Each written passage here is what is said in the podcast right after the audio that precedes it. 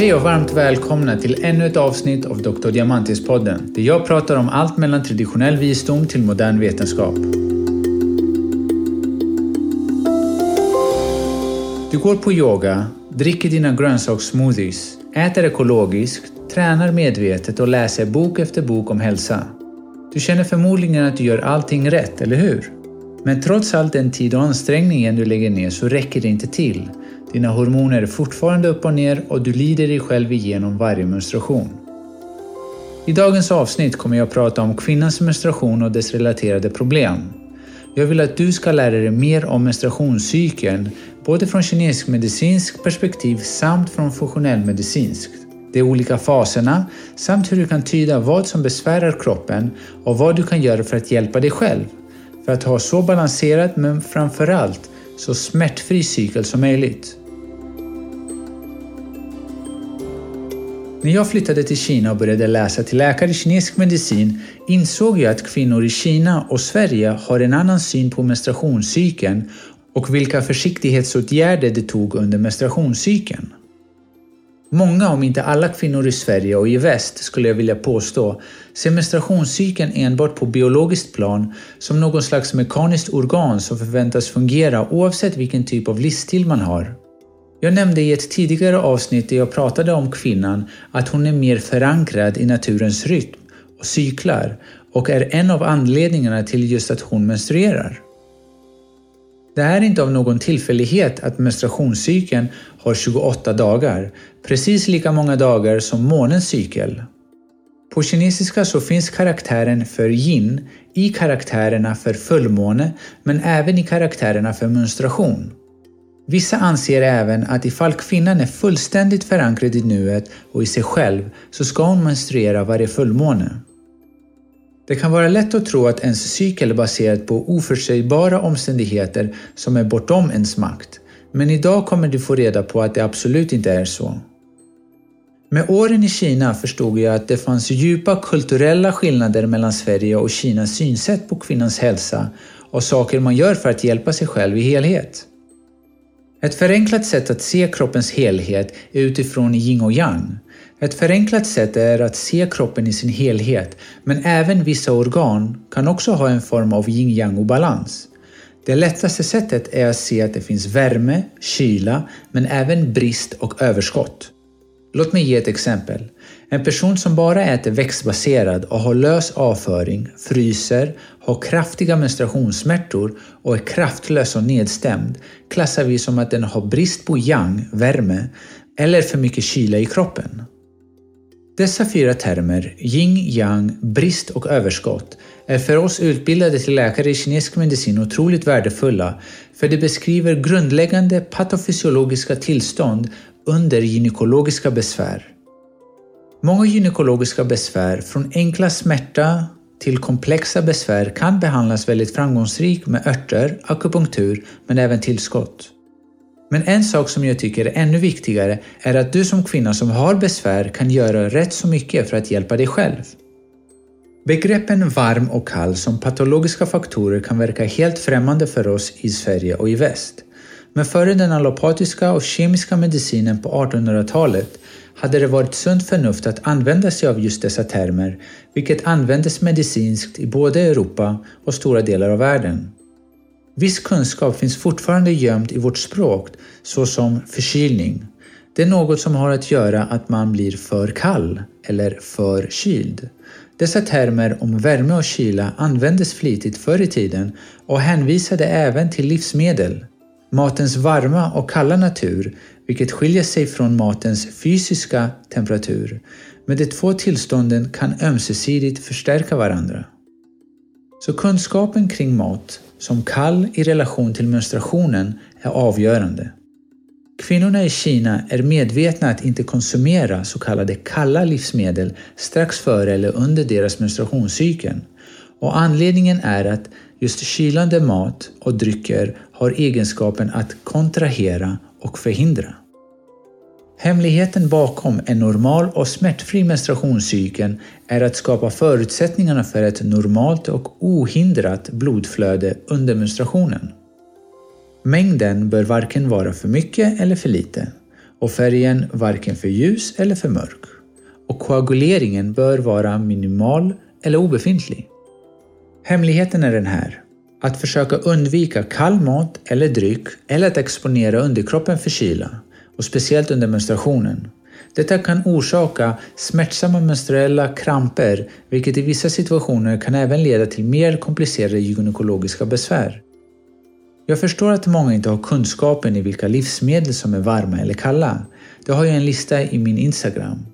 Så det är bara att gå in dit, det är Dr. Diamantis, precis som podden, och eh, scrolla ner till gamla inlägg så kommer du hitta det.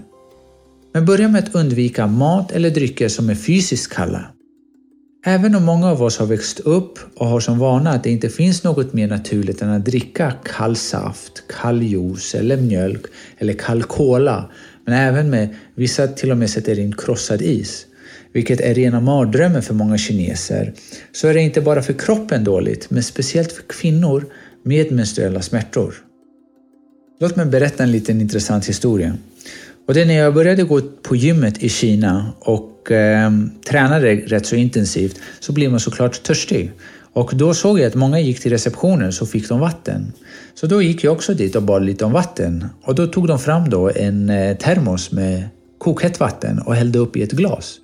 Och då kollade jag på dem och jag visste inte om de skojade eller om det här var på riktigt. Så jag ställde frågan till min lärare. Hur kan det vara relevant att dricka varmt vatten när man är så varm? Och hon förklarade att värmen du upplever är endast ytlig. Att kroppen har redan börjat kyla ner sig genom att svettas. Därav blir man serverad då varmvatten. Men i Kina vet man att is och till och med kylda livsmedel som tas direkt ur kylen kan vara hårda för matsmältningssystemet. Där har man kunskapen om vad som man kallar då i engelska för ”digestifier” som man måste ta hand om och underhålla för att den inte ska bli för svag. I min klinik berättar jag för mina patienter just den aspekten av kinesisk visdom och många med mag-tarmbesvär håller med att just fysiskt kalla livsmedel förvärrar deras mag-tarmbesvär. Och många som börjar dricka varmt eller ljummet vatten får sedan svårt att dricka kallt och jag är en av dem. Samma teori kan appliceras gällande menstruationen och menstruationssmärtor. Nu är det inte så att alla kvinnor som äter eller dricker kallt drabbas, men vissa har en högre risk eller låt oss säga benägenhet än andra. Av samma anledning bör kvinnor vara försiktiga för exponering för kyla runt tiden de menstruerar. Så var varmt klädda, speciellt fötter och ben och underkropp såklart. I generella drag så bör du undvika råa grönsaker och frukter och istället äta mer soppor och grytor. Sedan finns det såklart de som äter mycket råa grönsaker och dricker kallt vatten och simmar eller duschar kallt och de har aldrig smärtsamma cykler. Ja, det finns många faktorer som spelar roll och vissa har genetisk eller biokemisk övertag än andra. I kinesisk medicin finns det ett urgammalt ordspråk som säger där det finns smärta finns det en blockad. Det är hur vi förklarar smärtsamma menstruationer. Men vi ser även en koppling mellan livmodern och levern. I kinesisk medicin ser vi att levern förser livmodern med blod medan vi vet inom funktionell medicin att många av de viktiga hormonerna som östrogen och progesterol metaboliseras i levern. Men enligt kinesisk medicin så har levern flera funktioner och det är att upprätthålla ett fritt flöde av qi eller vitala energin i kroppen. Så levern, mjälten och njurmeridianerna eller energikanaler går igenom bäckenet och alla kan påverka menstruationen. Om någon av dessa meridianer är blockerade eller överbelastade eller har brist på just blod kommer detta vanligtvis att visa sig hos kvinnor med ett eller annat slags menstruationsproblem. Vi har tidigare nämnt att chi och blod flödar tillsammans i kärlen. När chi blir stagnerad eller trög på grund av stress eller emotionella anledningar så kan det upplevas som smärta. Det är leverns jobb att upprätthålla det fria flödet av chi och därför förknippas levern på ett eller annat sätt med just menstruationsbesvär. Det är även därför kvinnors menstruationsbesvär brukar förbättras efter att ha varit gravida och förlöst vaginalt. Den vanligaste orsaken till att leverns chi stagnerar är stress och kan kännetecknas med en skarp, huggande smärta. Man kan även orsaka problem med att kissa, nedre buksmärtor, ischias, PMS, irritation, depression och huvudvärk. Men förutom att stagnerat qi kan orsaka besvär på grund av stress eller emotionella anledningar så är kyla något som kan ställa till det. Det förändrar viskositeten i de olika vätskorna i livmodern. Bland annat blodet, vilket vi kallar för stagnerat blod eller blodstas. Kylan har lätt att tränga in sig genom underlivet eller via energikanalen från fötter. Det är därför viktigt att klä sig varmt under vintern. Men kyla och fukt kan även ackumulera genom att äta kall och fuktig mat. Det sker när man inte har förutsättningar för att bryta ner och metabolisera maten på rätt sätt. Kalla livsmedel inkluderas allt som äts direkt från kylskåpet eller som inte är tillagat. Det innefattar även de flesta råa grönsakerna, frukter, mejeriprodukter, oljor, nötter, socker, feta livsmedel och citrusfrukter. Vad som kännetecknar stagnerat blod är en fixerad smärta i nedre delen av magen som lindras av värme, såsom en varm vetekudde, men även mörkt och klumpigt blod under menstruationen. Ifall detta tillstånd inte behandlas på rätt sätt så kan det leda till utebliven menstruation, ryggsmärta, diarré, kräkningar, illamående, aptitlöshet och så vidare.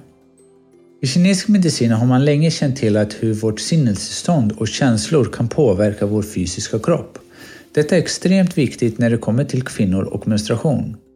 Känslor som rädsla, ilska, irritation, frustration, iver och så vidare ses ofta som en form av stagnerade känslor där man inte fått utrymme för att uttrycka sig. Eftersom kroppen är en spegelbild av ditt sinnestillstånd så kan dessa känslor påverka det fria flödet av qi och blod och orsaka menstruationsbesvär som smärta. Genom att minska på stressen och skapa förutsättningarna för ett mer harmoniskt liv är avgörande.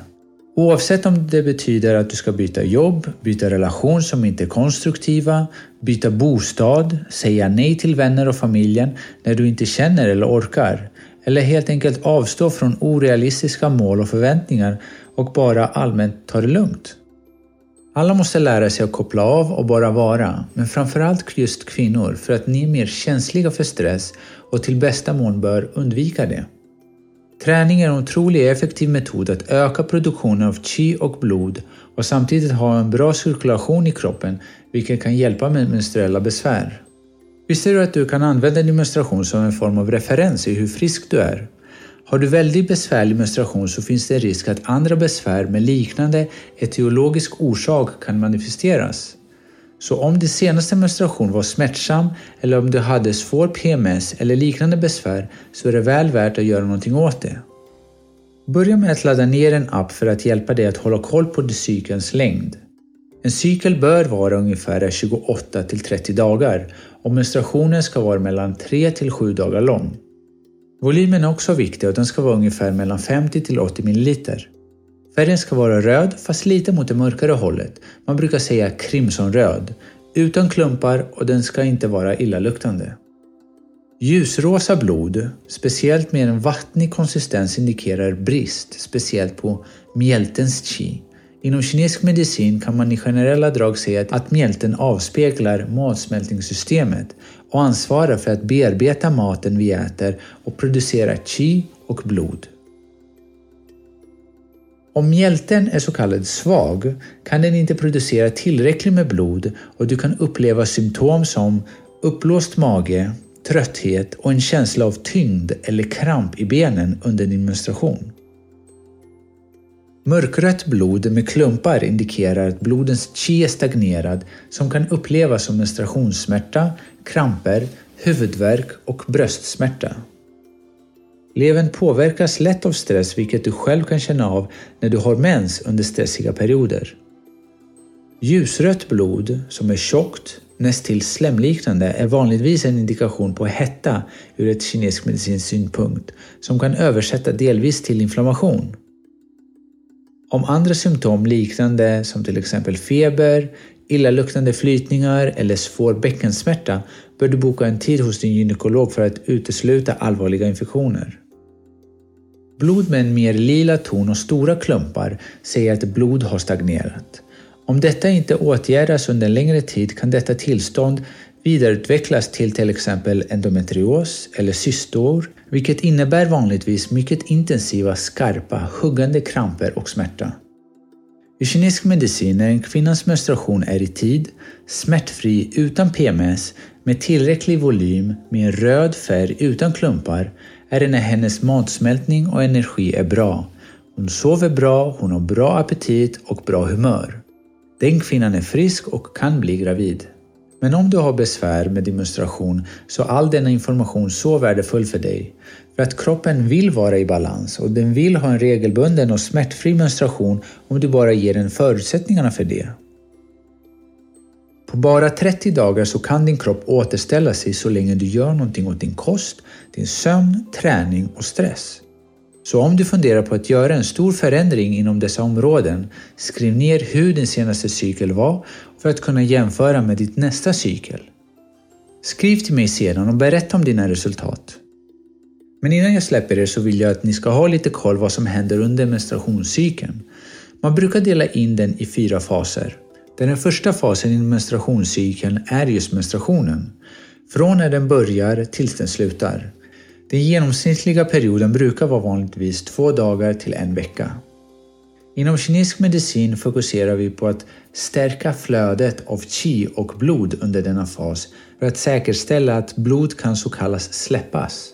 Detta hjälper också till att minska de menstruella kramperna vilket kan vara ett tecken på ett stagnerat blod. Vad du kan göra är att fokusera din energi inåt. Se till att vila mera och spendera tid ensam eller med dem du älskar. Se till att inte träna för mycket eller för hårt så att du sparar på dina krafter. Under denna fas är det bra att äta mera grytor och fullkornsprodukter ifall du tål såklart, samt rotfrukter. Den andra fasen kallas för den follikulära fasen. Under den första dagen efter demonstration så är både östrogen och progesteron låga, vilket signalerar hypofysen, en ärtstor körtel i hjärnan, att frisätta follikulärstimulerande hormon som förkortas FSH. FSH stimulerar äggstockarna till att bilda en follikel som förberedelse för ägglossningen. I kinesisk medicin fokuserar man under denna fas att stärka sitt yin, vilket motsvarar blodet och slemhinnorna i livmodern. Men det finns också en yang-aspekt i tillväxten av den dominerade follikeln som man måste ta hänsyn till. Under den fasen så tenderar kvinnor att vara mer utåtgående, lyckliga och de mer kreativa under denna fas. Denna tid på månaden är mest lämplig för tung träning, nya projekt, att vara extrovert och ha sex. Proteinrika livsmedel rekommenderas för att bygga gin och blod. Bönor, fisk, ägg, kött är bra val. Kokta bladgrönsaker och skaldjur som musslor eller ostron är utmärkta i denna delen av denna fas för att återställa mineraldepåerna i kroppen efter blödningen. Under den tredje fasen sker ägglossningen tack vare att det luteiniserade hormonet ökar, vilket stimulerar frigörandet av ägget från follikeln. I kinesisk medicin är det här när yin-energin har nått sin topp och yang-energin börjar stiga. Detta är när din kropp går från yin-dominans, vilket är strax före ägglossningen, till yang-dominans strax efter ägglossningen. Under denna tid är det utmärkt att uttrycka sina känslor, att vara kreativ och att skapa.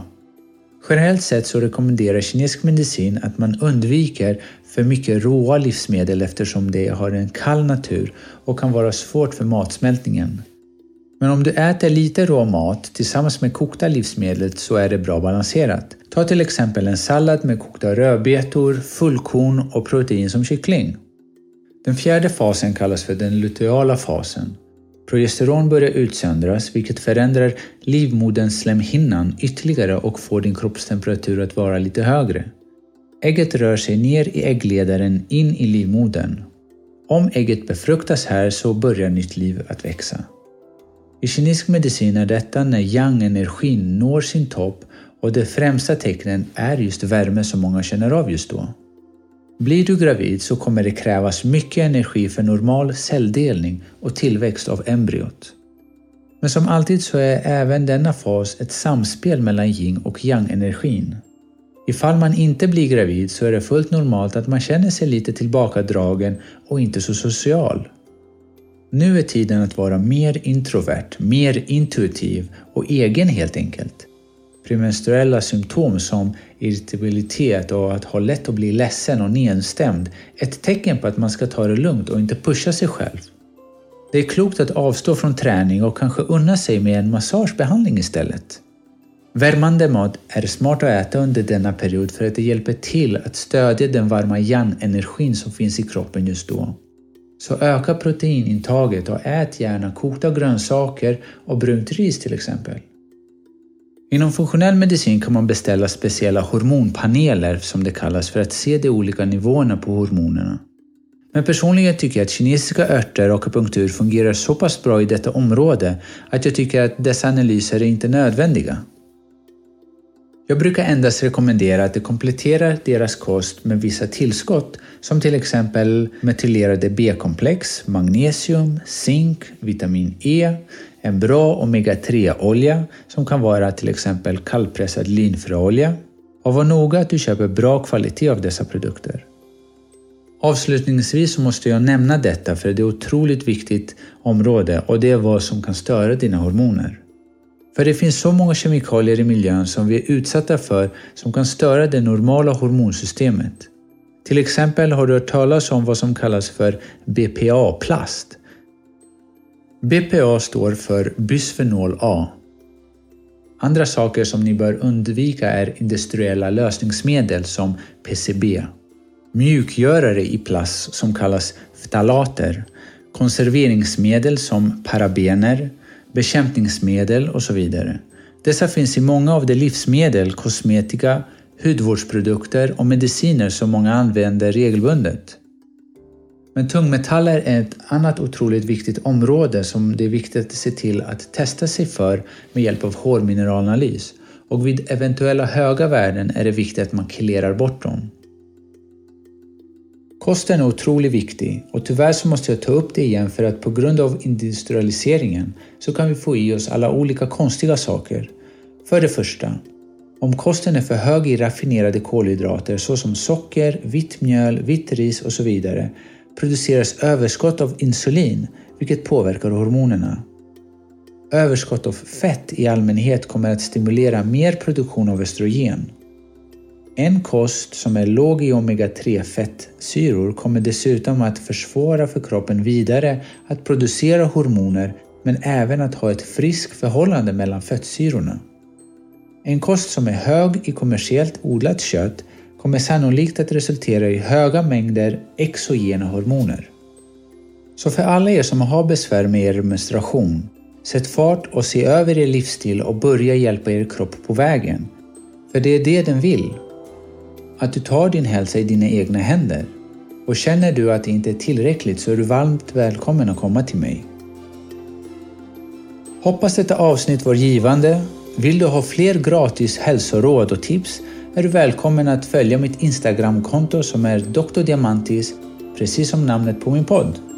Eller skriv bara en kommentar om dagens avsnitt. Ta hand om er och kom ihåg att du har din hälsa i dina händer.